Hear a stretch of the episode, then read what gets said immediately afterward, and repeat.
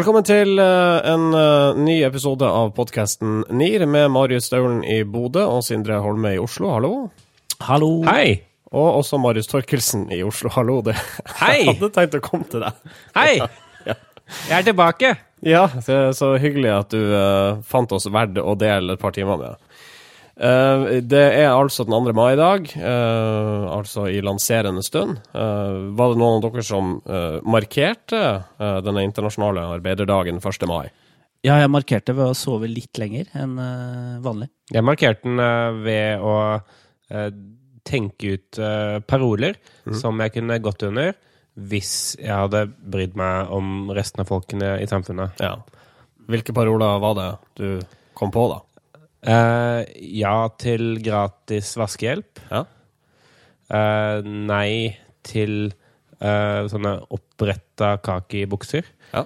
uten sokker. Um, og generelt bare mer. Ja, altså mer, da. ok. Men du effektuerte ingen av disse parolene? Du gikk ikke under noen av de? Nei, jeg gikk ikke under noen. Nei. nei. All right. Uh, vi lar den dagen passere stillhet. Det er godt for eh, oss i arbeiderklassen, som eh, hele dette landet angivelig er i, uh, å, å ha en ekstra fridag. Da. Det kan vi si. Tommel opp for det. Tommel opp for det. Ja, for det. Mm. Og så skal vi prate om Dalai Lama. Han er ikke ferdig diskutert ennå. Nei, han kom jo til Norge. Eh, Det har vært masse diskusjon om, eh, om eh, Tibets åndelige leder skal eh, møte eh, det offentlige Norge eller ikke. Statsministeren vil ikke, stortingspresidenten vil ikke, men han eh, skal jo da komme på Stortinget og no, hos eh, Nobelkomiteen. Men når jeg ser bilder av Dalai Lama, så tenker jeg det må være veldig kaldt. eh, å gå rundt sånn, og særlig komme til Norge. For han bruker, han bruker en sånn uh, kappe-cloak-ting. kappe, skjort, skjorte eller badekåpe, morgenkåpe eller hva det ligner på. Ja, slippers. Uh, slippers, ja. Uh, og jeg tenker sånn, ok, siden jeg har fått Nobels fredspris for en tid tilbake, så må jeg jo besøke Norge med jevne mellomrom. Uh, tror jeg han tenker. Uh, Det er liksom i statuttene når du får fredsprisen. Du Ja, må det er det. Ja, men kan han ikke ta av Altså, år. kle på seg. Ja, ja, det kan du si. Altså, jeg tror for å være åndelig leder, så må du gå sånn kledd. Altså, du kan ikke si du er åndelig leder, så går du liksom i vanlig skjorte og slips og, og liksom nypressa bukser. Det går ikke. Da er du ikke åndelig leder. Men får Dalai, Dalai Lama eh, gå inn eh, hovedinngangen nå, eller må de snike han inn bakveien for ikke å fucke opp eh, forholdet til Kina? Jeg vet ikke. Han blir vel kanskje tulla inn i sånn derre Altså, kanskje han blir mumifisert, så ingen ser at uh, han kommer øh, inn. Ja, det er bare- uh, blir båret inn Det liksom er bare en mumie som går inn uh, hovedgangen. Nei da, dette er bare Ikke noe å legge merke til der. Ikke få panikk! Dette er bare noe fra museet som vi skal bære inn i Erna vil gjerne ha mumie på kontoret. Ja. Eh, Ok. Vi får se. Ja, vi får se. Jeg tror vi lar det bli med det. Eh, og dokumentarer om eh, filmtrailere, Marius. Ja, jeg så en uh, sånn interessant dokumentar om uh, filmtrailerens historie. Og hvis dere holder dere våkne noen sekunder til, skal jeg forklare hvorfor den er interessant. Uh, det er bare sånn, er, eh, Det mest interessante da, med den dokumentaren var egentlig hvorfor det heter filmtrailer. Det er fordi eh, før da så pleide filmtrailerne å komme etter filmene. Så de traila liksom filmene. Og derfor heter det filmtrailer. For trail, altså to trail, betyr Det, er- det er liksom, to trail er som å komme etter noe, da. Altså, Du ligger ja, bak det gjør det jo, nå, ikke ikke sant? Men betyr det at øh, hvis du sovna mens du så den filmen her, så kan vi fortelle sånn kort hva den handla om? Kommer ikke en trailer om filmen du hadde sett? Det kommer vel trailere om det andre kom, filmer. fi- ja, fordi, Short altså- summary etter filmen. Fordi Ja, det var det. problemet da, for eh, de fleste sånn filmteaterne eh, var jo det å eh, Film theaters. eh, Kinoer. kinoer, heter det på deres språk. Det er så internasjonalt etter å ha begynt i mediebyråbransjen. Eh, det var jo det å få folk til å altså problem, Problemet deres var å få folk til å gjøre gjenkjøp. Da. Så de lagde jo eh, ofte en film, og så delte de den opp i tre. Og så når den første delen av filmen var ferdig, eh, så eh, kom da filmtraileren for neste film, som da gikk neste uke, osv. Så, videre. så kunne folk kjøpe da liksom, tre billetter samtidig, istedenfor bare én billett. da, Ja. eh, For å komme tilbake. Eh, og den gangen så var det jo også da kinoene selv som produserte filmtrailerne. Det var ikke noe filmselskapene. Så, så uten måte, noen rettigheter eller noen ting, så bare lagde de disse trailerne for liksom, å få folk til å komme tilbake til, til kinoene, da, som var eh, hovedformålet. Og det er jo noe annet enn i dag. Ja. OK. Tone Damli eh, Aaberge helt til sist. Hun har fått barn, eh, og det var altså Betson som meldte dette her. eh, Og det har vært en kjempedebatt i mediene rundt at Betson får lov til å sette, sette nyhetsstandarden, og får lov til å være den som først kommer med nyheter. Ja, hvorfor kan ikke Betson gjøre det? Altså, Betson eh, leker jo med livet ellers. Altså, den lar jo folk gamble på livet, så hvorfor ikke gamble litt på, uh, på Tone Damli Aaberge? Hvorfor blir det så mye bråk? Nei, man forventer ikke at en, et gamblingselskap som uh, er kjent for litt sånn lyssky virksomhet, kanskje, eh, driver og slipper den type nyheter. Det er jo ikke det er jo, har jo ikke noe med virk, kjernevirksomheten deres å gjøre, Nei, egentlig. Man ønsker vel ikke at instanser som ikke er journalister, skal formidle noen nyheter. Eh, og det er vel det samme problemet journalistene har med PR-bransjen, egentlig. eh, tror jeg. Så det er sikkert bare derfor det kommer opp. Og så er det sånn content marketing, eh, som man da igjen bruker rundt dette her, er sånn ok det er greit at det er content, eh, men det er ikke nødvendigvis marketing eh, det Betson driver med. For det, eh, det er bare info. Ja, ja og så får de, de, de får navnet sitt de, de får det på trykk, da. Mm. Ikke sant? Sånn, å ja, Betson, ja. ja. Det hadde jeg glemt. Å ja, nå, skal, nå husker jeg det igjen. Ja, ikke sant? Men du, du, får sånn, ikke noe sånn ja. Du får, får ikke bygget noe sånn Betson er flinke på noe. Det er bare sånn Nei, Betson, ja, de gir penger til Don Damli Aaberge. Det er jo irriterende. Men de må få lov til det. Ja, det må de få lov til. All right. Uh, dette er det lengste innstikket noen gang. Vi setter i gang. Dette her er NIR episode 69, er det vel. Norske informasjonsrådgivere. Vi starta med å snakke om såkalt big eh, data. Big data, store data, som er et eh, begrep man bruker om innsamlinga av eh, enorme mengder informasjon, oftest informasjon om folk. Og Innen markedsføring og PR så er det her en slags golden goose, fordi hvis man vet mye om mange mennesker, så kan man bl.a. lage svært treffsikre kampanjer. Og Vi snakker om det her fordi en professor på Princeton University, eller professor ved Princeton University, Janet Vertesi, da hun ble gravid, bestemte hun seg for å holde graviditeten skjult for internett. Altså, det skulle ikke fremkomme noe sted, verken på Facebook, Twitter, LinkedIn eller hvor nå enn, at hun var med barn. Ja, og det er fordi gravide kvinner da, er jo blant de mest eh, verdifulle enkeltindividene man har på nettet. Eh, og det er fordi gravide kvinner kommer jo i en situasjon hvor de plutselig er nødt til å kjøpe en hel rekke nye typer produkter som de ikke har kjøpt før. Eh, Bleier, barnestoler, sånn barnehengere, jeg vet ikke man, hvordan man oppbevarer barn, eh, og så Du har ikke barn sjøl. Eh, Jeg har ikke barn sjøl. og det gjør det Bør at heller ikke få barn, vil jeg si. Kanskje. Eh, men det betyr at det er mange, mange virksomheter som ser at nå har vi muligheten til å kapre en førstegangskjøper. Da. Og en, kanskje en førstegangskjøper som får enda et barn, og som kjøper da enda flere sånne barnehengere. Ikke sant? Og det er, det er viktig. da. Ja, men altså, det er- altså, Barne bar- henger der, skjønner ikke hva du mener. Nei, Når man er ferdig med dem for dagen, så henger man altså, så henger man dem man, man legger dem i en seng, i en seng ofte. Ja, okay. Kanskje henger dem ikke opp eh, til tørk. eh, sånn sett. Men, men det er jo selvfølgelig også fordi at øh, øh, Apropos bleier, da. Uh, begynner man å kjøpe en, et uh, visst merke, har man tatt valget da mellom li, Libero og Pam, Pampers f.eks., så er man jo tro da i flere år framover mot det merket. Så hvordan går så dette prosjektet for Janet Vertesi? Altså, hun blir gravid, og det er jo en state som gjerne synes på deg. Eh, hvordan går det, uh, denne, dette forsøket? Ja, det er En av de tingene hun er opptatt av, er at ikke noen skal gratulere henne på Facebook uh, med graviditeten. og med å skulle få et barn. Og ber jo innstendige venner og familie om å ikke gjøre det. for det kan jo fanges opp av en algoritme på Facebook. da. Og det er en onkel her som eh, grat kommer til skade for å gratulere henne. Uh, og hun unfriender han onkelen her, da. på grunn av det. Så hun tar det her uh, veldig alvorlig, Uh, og lykkes ganske godt, vil jeg si. Så går hun ut, eller så forteller hun historien sin. hun gjør det, og hun gjør det jo egentlig fordi altså det, Både som en slags sånn kuriosa, men også jeg tror det er litt et, litt rødt flagg også på det at man skal være litt sånn forsiktig med hvordan man eh, samler inn og aggregerer sånne gigantiske data, eh, og hva man faktisk bruker det til. Og det er nettopp det med at eh, det er jo på en måte bedre å få relevant reklame enn å få urelevant reklame. Hvis du er singel, så er det bedre å få en sånn Match.com-reklame enn eh, reklame for forlovelsesringer.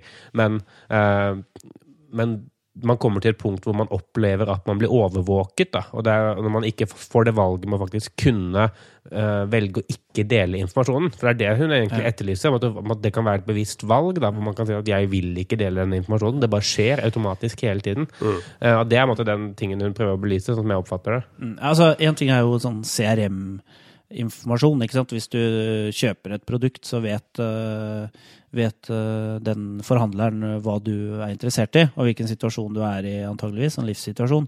Men annen ting er jo hva du søker etter, og hvilke nettsteder du besøker. Det er jo det, kanskje det som er problemet. For det er jo cookies policy og, og dette her, sånn at man legger jo igjen spor når man besøker en viss type. Hvis man går inn og, og bare egentlig ikke kjøper en barnevogn, men ser på en barnevogn, så eh, er det informasjon som lagres, da.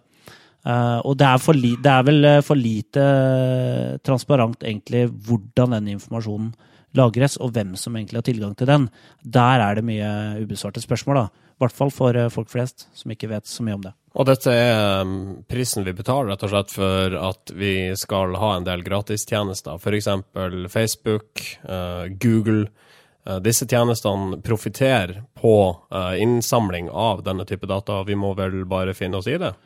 Kanskje, men kanskje ikke. Altså det, nå står det jo, Hun sier også at hun har brukt en webbrowser som heter Tor. eh, Veldig mye. Og det er en sånn webbrowser som skal være mye sikrere enn andre. Som skal hindre at du Som maskerer IP-adressen din og sånn. Ja, som gjør en del sånne ting. Og Det fins en del sånne motreaksjoner. Du har et sånn adblock-system også, som eh, bare blokker ut eh, annonser på nettsteder og sånn, som man kan installere. Så det fins jo det, Altså, det, det, kan, det kommer hele tida sånn motreaksjoner, men så kommer det andre eh, reaksjoner på det igjen, så så vi får se. Men liksom Ja. Det er egentlig Men, eh, Konklusjonen til det vi får se. ja, ja Skal vi bare la det bli konklusjonen? jo, vi sier det sånn. Norske informasjonsrådgivere. Så skal vi til eh, Storbritannia, hvor det irske bettingselskapet Paddy Power har fått fotballfans til å sperre opp øynene. Forut for oppgjøret mellom Liverpool og Chelsea på Anfield forrige søndag, plasserte de nemlig en statue av David Moyes utenfor Liverpools storstue. Og innskrevet på statuesokkelen sto det 'For services to Liverpool- Liverpool Football Club'. Eh, og David Moyes er altså tidligere manager for Manchester United, erkerivalene til Liverpool. Han fikk sparken nå nylig. Ja, uh, Paddy, Paddy Power. Uh, Som det heter i Danmark. Ja, jeg vet, jeg vet ikke hvorfor jeg sa det på dansk. Uh, de er jo litt kjent for denne type stunt. De gjør ofte type ting som at det skal skape en eller annen form for engasjement blant folk, og gjerne da i, form, i negativ art. De hadde jo blant annet med hele denne News of the World-skandalen for et par, par år siden, hvor avisa til Rupert Murdoch ble anklaget for eh, eh, eller ble bevist at de hadde avlyttet en rekke kjendiser osv. Så, videre.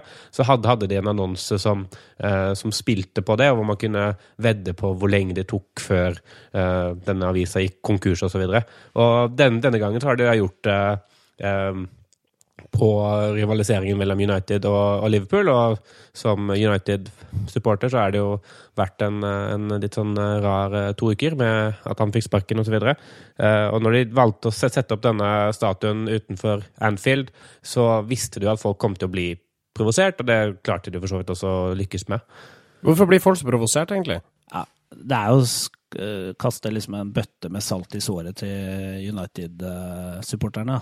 Eh, som føler liksom de har uh, dumma seg enda mer ut eh, enn det de følte fra før.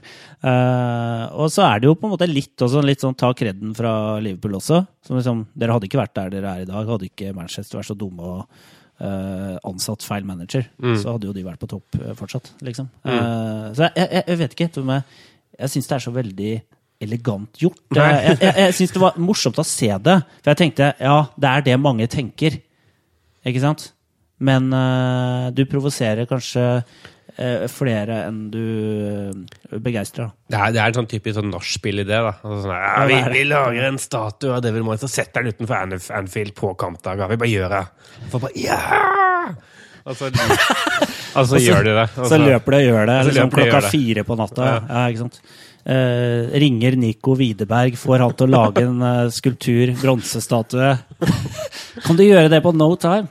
Hæ? Ja, No time, ser du? liksom. Ja, ja. No. Det er akkurat nok time, det. Det er all den timen jeg trenger. OK, men eh, altså, hva Gir Nei, tommel opp her, eller Nei, det er, det er bare sånn de, de prøver å posisjonere seg som en slags sånn oppbygler og være litt sånn uh, Litt sånn sånn ukonvensjonell uh, Ja, ikke sant? Litt sånn Betson-aktig. Mhm. Ukonvensjonelt bettingselskap som er litt uh, gærne og tullete. Og det er egentlig det de gjør her. da De bare forsterker den posisjonen som de har prøvd å bygge over leng lengre tid. Altså, bet, altså bettingselskaper, de som jobber der, det er alle de som satt bakerst i klasserommet og, og eh, kasta papirfly. Eh, og, sånn der, eh, og tok papir i munnen og kasta det på tavla, så det ble sittende. Eh, sånn, tørka er buser under pulten osv. Det er de folka der. Det er veldig lett å plassere. Og nå har de et markedsbudsjett å, å jobbe med, så de kan eh, Det, nå har de det største markedsbudsjettet å jobbe med. og endeløse nachspiel. Ja, ikke sant. Eh, tommel opp eller tommel ned for Paddy Powers uh, utafor ja, Anfield. Jeg syns det er litt, litt uh, mislykka, jeg, altså. Nei, tommel ned. Tommel ned. Ja vel. Så til eh, sjakkens verden, og den eneste vi kan prate om da, er Magnus Carlsen, en av verdens beste sjakkspillere, eh, også verdensmester i sjakk. Han ble intervjua av det amerikanske mediehuset Vice her nylig, og journalist Stephen Keefe, som angivelig er en stor Carlsen-fan, ble gjennom intervjuet mindre og mindre begeistra for verdensstjerna. For Magnus leverte kort korte og intetsigende svar. Han virka irritert og uinteressert, og av og til også litt kaki. Så Keefe konkluderte på eneste måten han kunne. Magnus Carlsen er egentlig en drittsekk. Ja, eh, overskriften på denne artikkelen er Magnus Carlsen, world chess champion.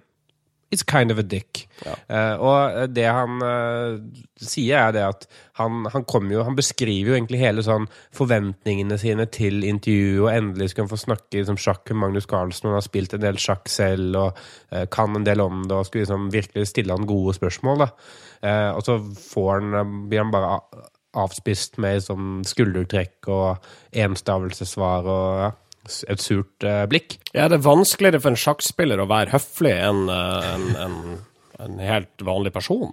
Nei, Må du noe- være, så, må du være så, så sur og grinete, selv om du er verdensmester i sjakk?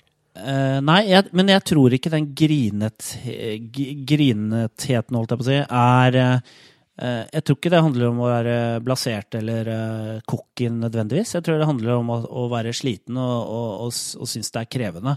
Eh, som en skuespiller kan jo være eh, blærete og som bare fordi at det er bra for imaget. For Magnus Carlsen er det sannsynligvis ikke bra for imaget å være det. Ja, og der er vi inne i uh, temaet vi skal diskutere. Hvor viktig er det egentlig for verdensstjerna Magnus Carlsen uh, å fremstå som jovial? Hvor viktig er dette her uh, trivelig-imaget eh, for ham hva gjelder popularitet og fortsatt popularitet?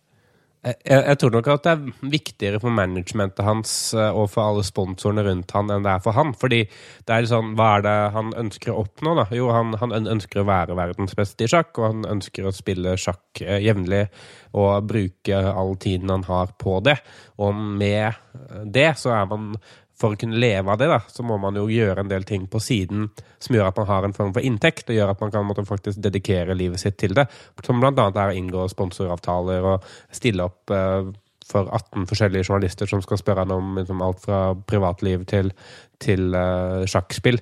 Eh, og jeg, ser, jeg, kan, jeg kan ikke se for meg at det er den delen av eh, sin karriere han liker best. Og jeg syns jo aldri at Magnus Carlsen har vært et spesielt sånn fyrverkeri av et intervjuobjekt uansett. Selv måtte, i godt humør, så er han fortsatt altså, Han svarer jo mye enstavelsessetninger uansett, så det er ikke sikkert at han er en dick. Han bare er sjenert, da. Altså, det kan jo Han er kompis med Liv Tyler. og... Du, Han har blitt, eh! Og så ble han jo flydd inn til Mark Zuckerberg for å spille mot han hjemme hos han. Eh, så, så de det er jo et management her som ønsker at Magnus Carlsen skal være noe mer enn en sjakkspiller.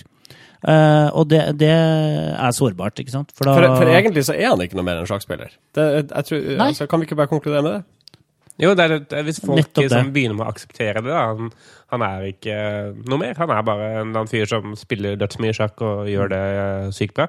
Det, dette er uh, Grunnen til at slike situasjoner som dette Vice-intervjuet oppstår, er fordi de som jobber rundt han ikke gjør en god nok jobb. Altså, man, man, når man er uh, pressetalskvinne, eller hva man nå enn er for Magnus Carlsen, så er det jo jobben din å finne ut av hva er det som er best for den personen du skal representere. Og, og når er det denne personen ikke er i form til å gjøre et, et eller annet godt inntrykk inntrykk. da. Jeg ser for meg, hvis du, sånn som han beskriver, han, eh, han journalisten, eh, at dette, han var det 17. intervjuet den dagen. Og når du da setter opp 17 intervjuer på rad for en person, så vet du at det kommer til å gå dårligere og dårligere utover. Eh, så han må jo da gjøre en bedre jobb. Manager. Selv jeg er ikke god i 17 intervjuer på rad. For det skjer jo ofte at du må gjøre 17 intervjuer på en dag. Uh, skjer ganske ofte, ja. Uh, jeg tror vi avrunder med, uh, med, å sitere litt fra teksten. Vi har vel egentlig ikke gått inn på så veldig mange av uh, svarene til Carlsen i diskusjonen her. journalisten Keefe skriver da I asked what the worst decision he's ever made was. He told me he hadn't really made any. Og det oppsummerer det fint, syns jeg. Mm. Tommel opp eller tommel ned for Carlsen? Jeg gir tommel opp, jeg. Tommel opp for han. ja. Norske informasjonsrådgivere.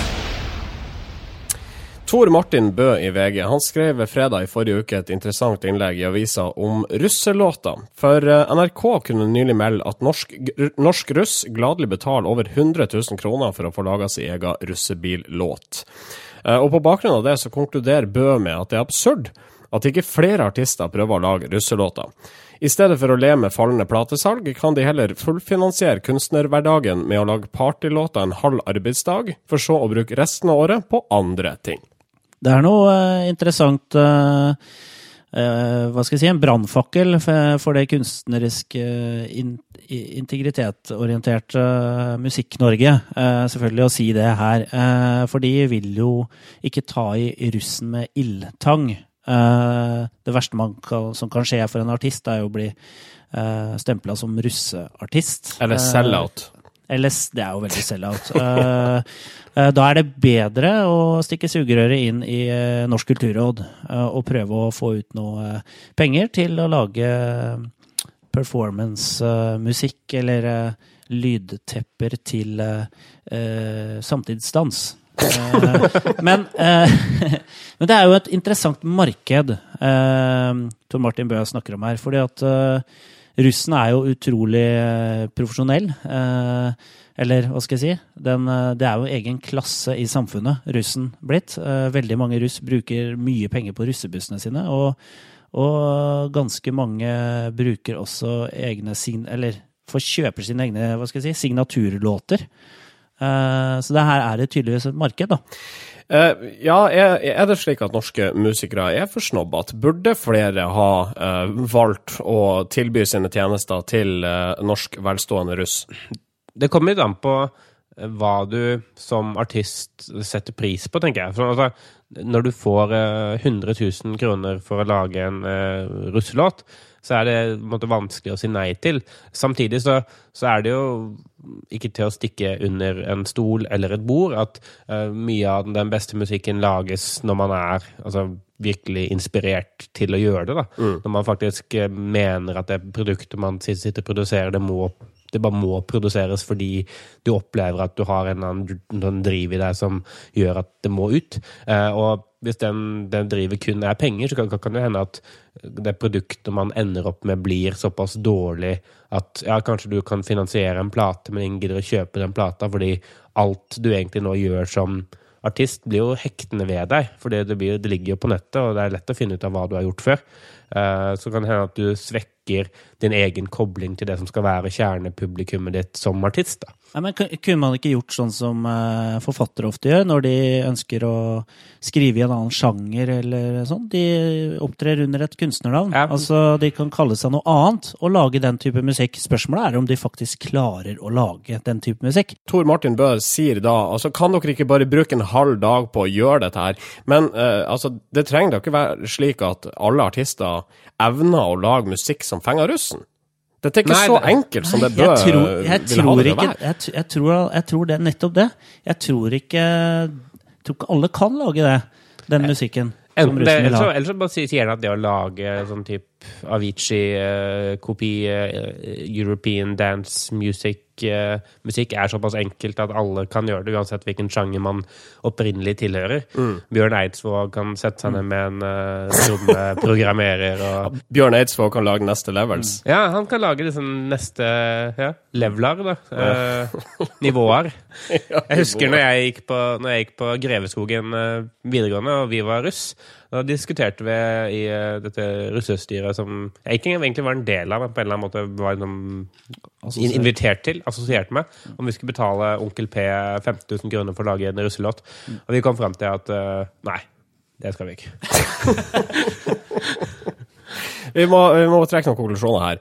Eh, for det første Det å lage russemusikk hvis du ellers er en eh, eh, godt ansett uh, musiker, kan det gjøre et eller annet med ditt eget renommé og forhold til fansen? Ja, det kan det. Eh, Men vi tror ikke det er bare å trykke på en programmeringsknapp og lage den hiten. Vi tror det er vanskeligere. Ja, for det, det var da mitt spørsmål nummer to. Dette her, å lage uh, vellykka russemusikk, er ikke så enkelt som Tor Martin Bø vil ha det til. Alle kan ikke gjøre det her. Nei, det tror jeg ikke. Nei. Skrillex laga russelåt til en uh, norsk gjeng. Altså, ja. Elektroartisten, eller elektro, dubstep-artisten Skrillex, han laga uh, ei låt til russebussen Disco Rangers. Det var noe Bærumsruss. Uh, og de betalte 80 000 for den låta. Det var da uh, datidens dyreste russelåt, og den kom i fjor eller forrige fjor, tror jeg. Uh, så den kan du sjekke ut på nettet. Den ligger der. Ja. Og vi har jo ikke hørt det fra Skrillex siden da. Nei, det har vi ikke gjort. Jeg lurer på hvor han ble av. Han, han lagde den låta, ble deprimert, klipte seg, fjerna sminka, Ja. kjøpte seg en rosa V-genser og gikk tilbake til livet som familiefar. OK, uh, vi har konkludert, og vi går videre. Norske informasjonsrådgivere.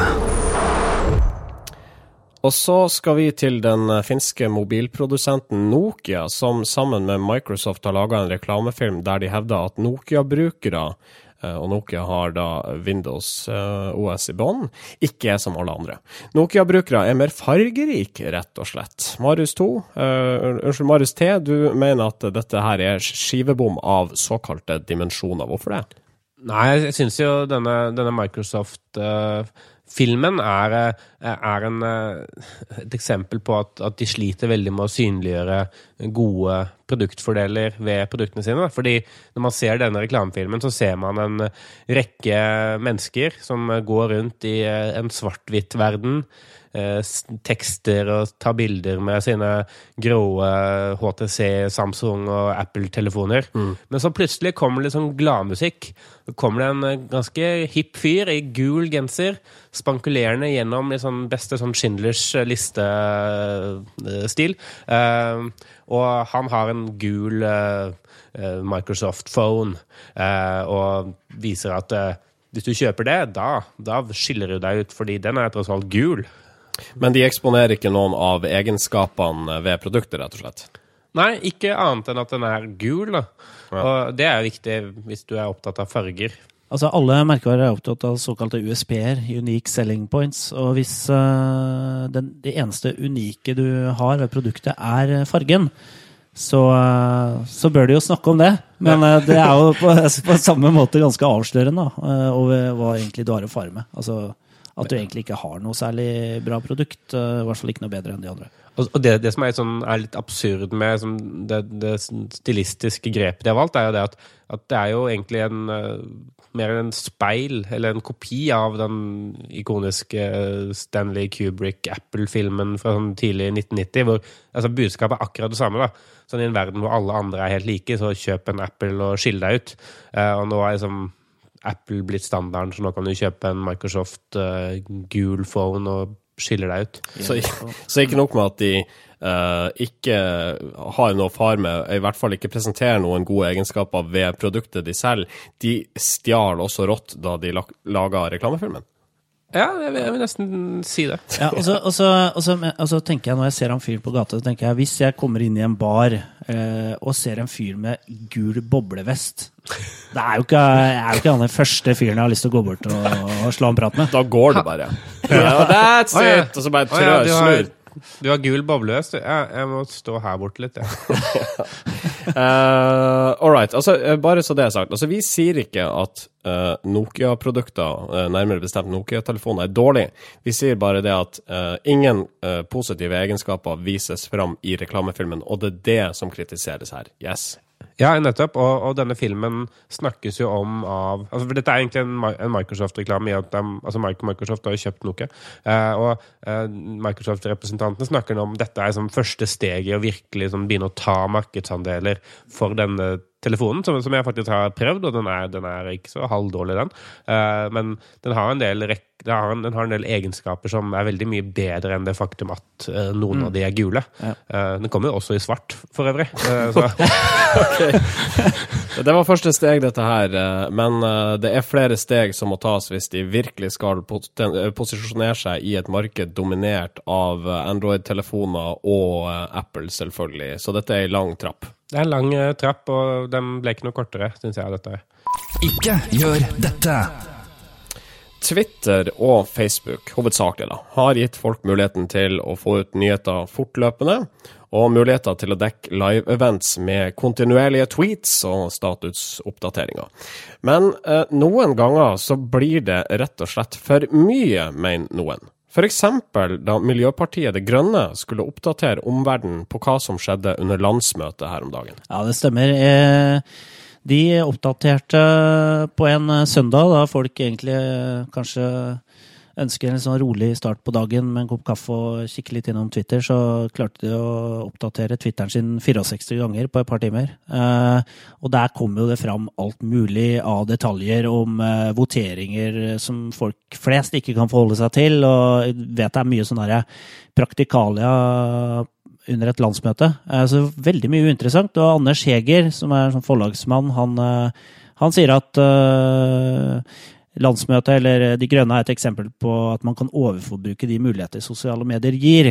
Eh, Og var litt sånn eh, sarkastisk og sa at jeg er spent på hva dere skal spise til lunsj. Regner med å få alle detaljer om matens reisetid, smak og livsløp. Eh, og det vet jeg ikke om han fikk, men eh, det skulle ikke forundre meg. Eh, det var i hvert fall et sabla kjør, og De grønne tok ikke så veldig mye selvkritikk på det. De lo litt av det og Ja ja, kjekt at du følger med, da. eh, I hvert fall. Men det var jo det han egentlig ikke gjorde. Det var det han egentlig ikke hadde lyst til Nei. eh, å gjøre lenger. Det er, det er litt sånn nå etter at eh, MDG så at eh, dette her med pressemeldinger det var ikke helt deres greie, så tok, tok de til eh, Twitter og sosiale medier. For Der, der kan vi i hvert fall få fortalt alt vi vil. Og ja, de Ja, nå ikke der heller. Nå refererer jeg til en, en, et innslag vi hadde for noen sendinger siden, der de sendte ut en pressemelding som var ganske sånn derre eh, Mer Vennligst møt instruksbasert, og film oss. Veldig instruksbasert om uh, hvordan media skulle dekke, dekke ting som skjer eh, i regi av De grønne. Men det som er litt morsomt med De grønne, er jo at nå har de jo, de har jo fått det, to talspersoner. Så det er kanskje derfor de er så Ja. overivrige, da. Ja. Men eh, for 62 tweets var det, ja. I løpet av et par timer, eh, altså gjennom et eh, landsmøte. Det er det som er oppe for eh, ikke votering her i uh, podkasten, men oppe til doms. Ikke gjør dette. Ja. La være.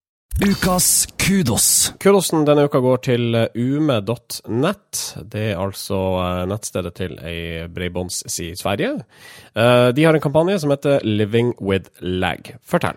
Living with lag det er en kampanje Ume har igangsatt for å vise ah, hvor eh, kjipt det er å leve med en eh, dårlig nettforbindelse, fordi eh, Ume selger jo fantastiske nettforbindelser.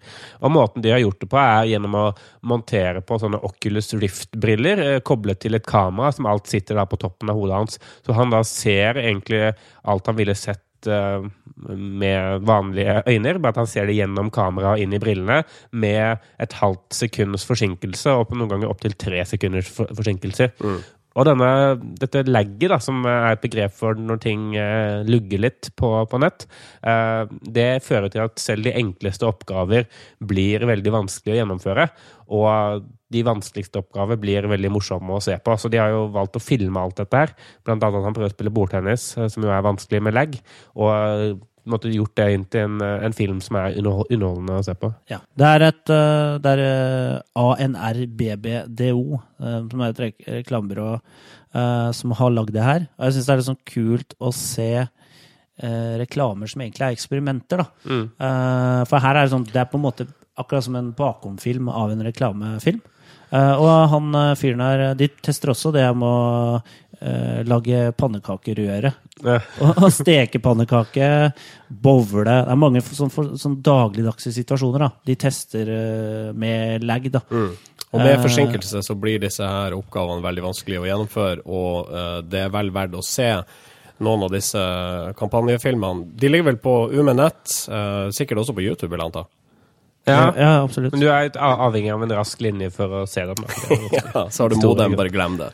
Ja. Nei, men, uh, men, men, men grunnen til at vi gir det kudos, er fordi det er en uh, veldig underholdende film som er utrolig tett på produktfordelene som Ume da tilbyr, som er egentlig noe ganske kjedelig og generisk, som, som at det er rask internettlinje, men de gjør det på en måte som viser at de er både dyktige teknologiske eksperter, for de har klart å få til at dette faktisk funker, og at de underholder folk på en måte som er eh, relevant. Da. Og det er alltid, alltid kudosverdig i min, eh, min bok. Jepp. Kudosen går altså til eh, nettleverandøren i Sverige, ume.nett. Sjekk ut kampanjen deres gratis. Norske informasjonsrådgivere. Så kan vi ta med at uh, det finnes et band borte i Sverige som er en slags parodi på danseband. De heter Black Ingvars. Uh, og de uh, slipper nå sin egen snus. Det stemmer. Black Ingvars er jo kjent for å, for å covre dansebandhits. Altså det navnet spiller på Sven Ingvars, som er sånn uh, dansebandstjerner i Sverige. Eh, og jeg tenker at det er, en- det er en veldig fin, eh, fin allianse her. Snus er jo erkesvensk, danseband er erkesvensk. Eh, eh, Black Ingvars er jo er liksom litt tøffere versjon av, av et danseband. Så det, det er en morsom eh, allianse som vi gleder oss til å uh, se resultatet av det samarbeidet, egentlig. Kanskje vi skal høre et klipp ifra en av disse låtene til Black bare sånn at folk vet uh, hvilken type band vi snakker om? Ja, la oss gjøre det.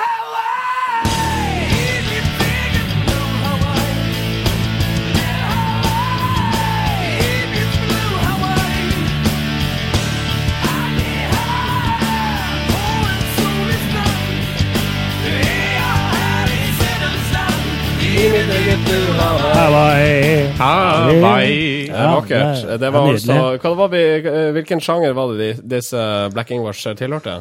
Swedish dance metal. Ja. en up and coming-sjanger. Eh, og de har eh, da lansert sin egen snus. Hvorvidt den kommer til Norge, uvisst, vi vet ikke. Eh, vi tar også med at eh, Lance Armstrong nå har blitt sykkelreparatør på sine gamle dager. Ja, han eh, kan jo mye om sykkel, da, som han ikke får brukt. Eh, han sitter på en haug med kunnskap, så han eh, har eh, blitt uh, innkapra eh, som eh, talsperson for et sykkelverksted, hvor han gir eh, råd og tips om eh, hvordan eh, reparere sykler.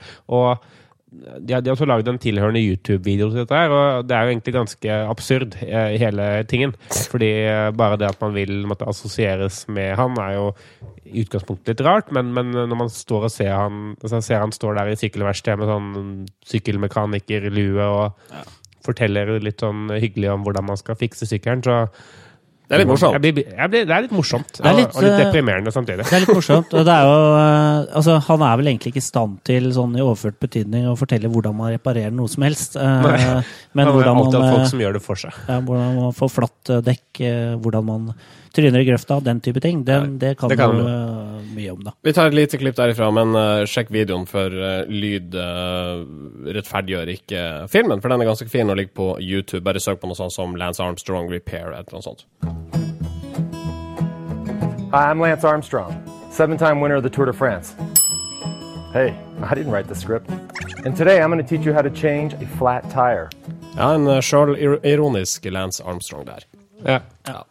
Uh, nei, men fint. Dette var andre mai-sendinga, tror jeg. Vi uh, må avrunde, for nå skal jeg ut uh, og uh, slikke sol, for nå er våren kommet til uh, Bodø by. Eh, så eh, vi snakkes igjen om ei uke. Takk for at du lytta til eh, oss norske informasjonsrådgivere. Du finner oss på Facebook. Facebook.com slash Nearcast. Du finner oss i Soundcloud, soundcloud.com slash eh, Nearcast. Og du mailer oss hele tiden på nirkes.yahoo.com. Ja, gjør mer av det.